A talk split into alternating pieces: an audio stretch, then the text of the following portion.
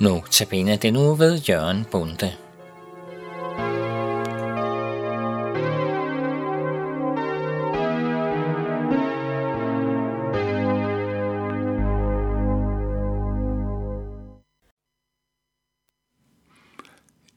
Ja, og så vil jeg byde lytterne hjertelig velkommen til den sidste i min serie Notabene andagter, som omhandler Efeserbrevet.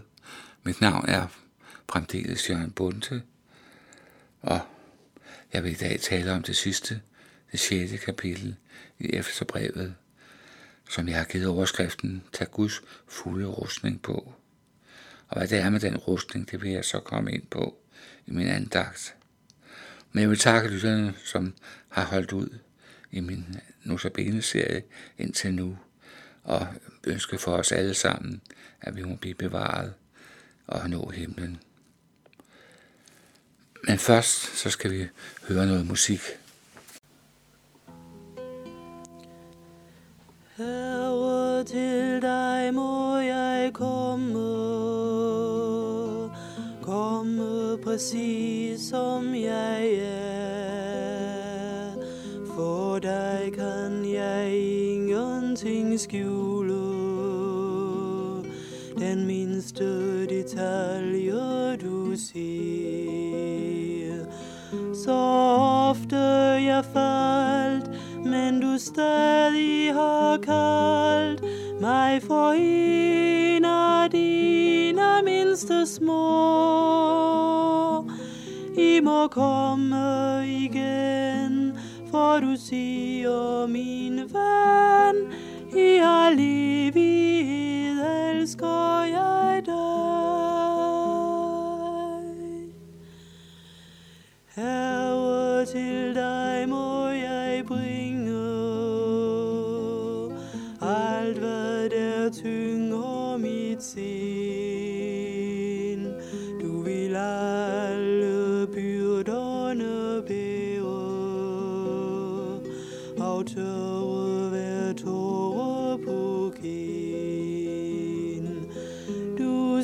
Når mig ud med det gladeste bud til en verden, som længes efter fred. Du er med i min dag, midt i travlhed og jeg, ja du lever,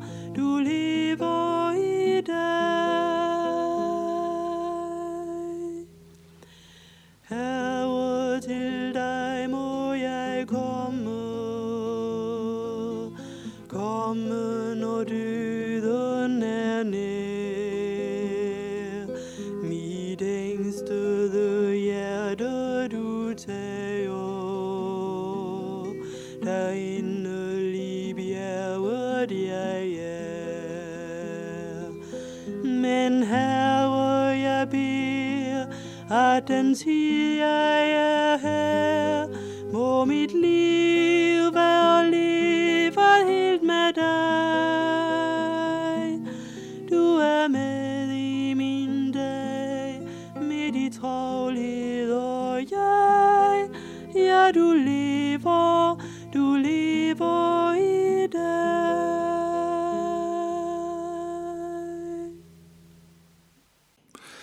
hørte her, Herre, til dig må jeg komme, og det var Birgitte Hjort Petersen, der sang.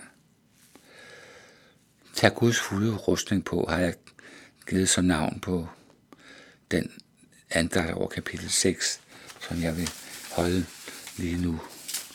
Og ja, det er jo, der er også et kapitel i vores Bibel, der bliver kaldt for Guds fulde rustning, så det er ikke så mærkeligt en overskrift, jeg har givet her. Men jeg vil læse nogle af kapitlerne. Det er kapitel 6, som starter på side 1072.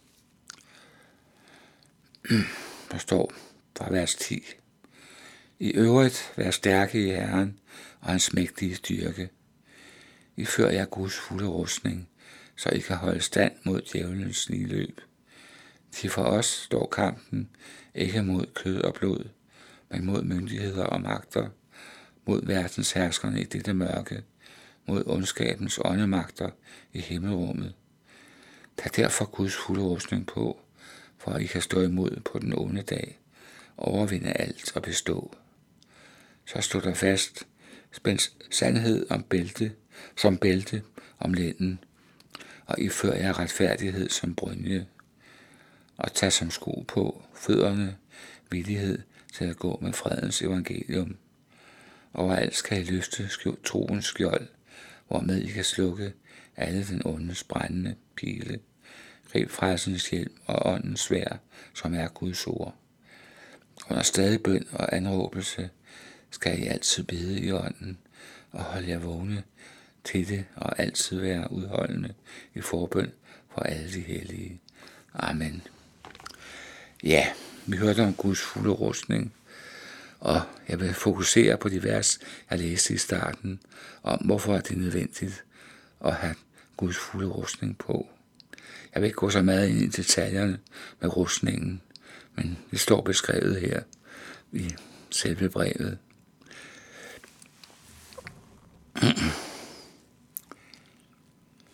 ja, vi kaldes altså til kamp mod denne verdens herskere, Satan og hans ånde her.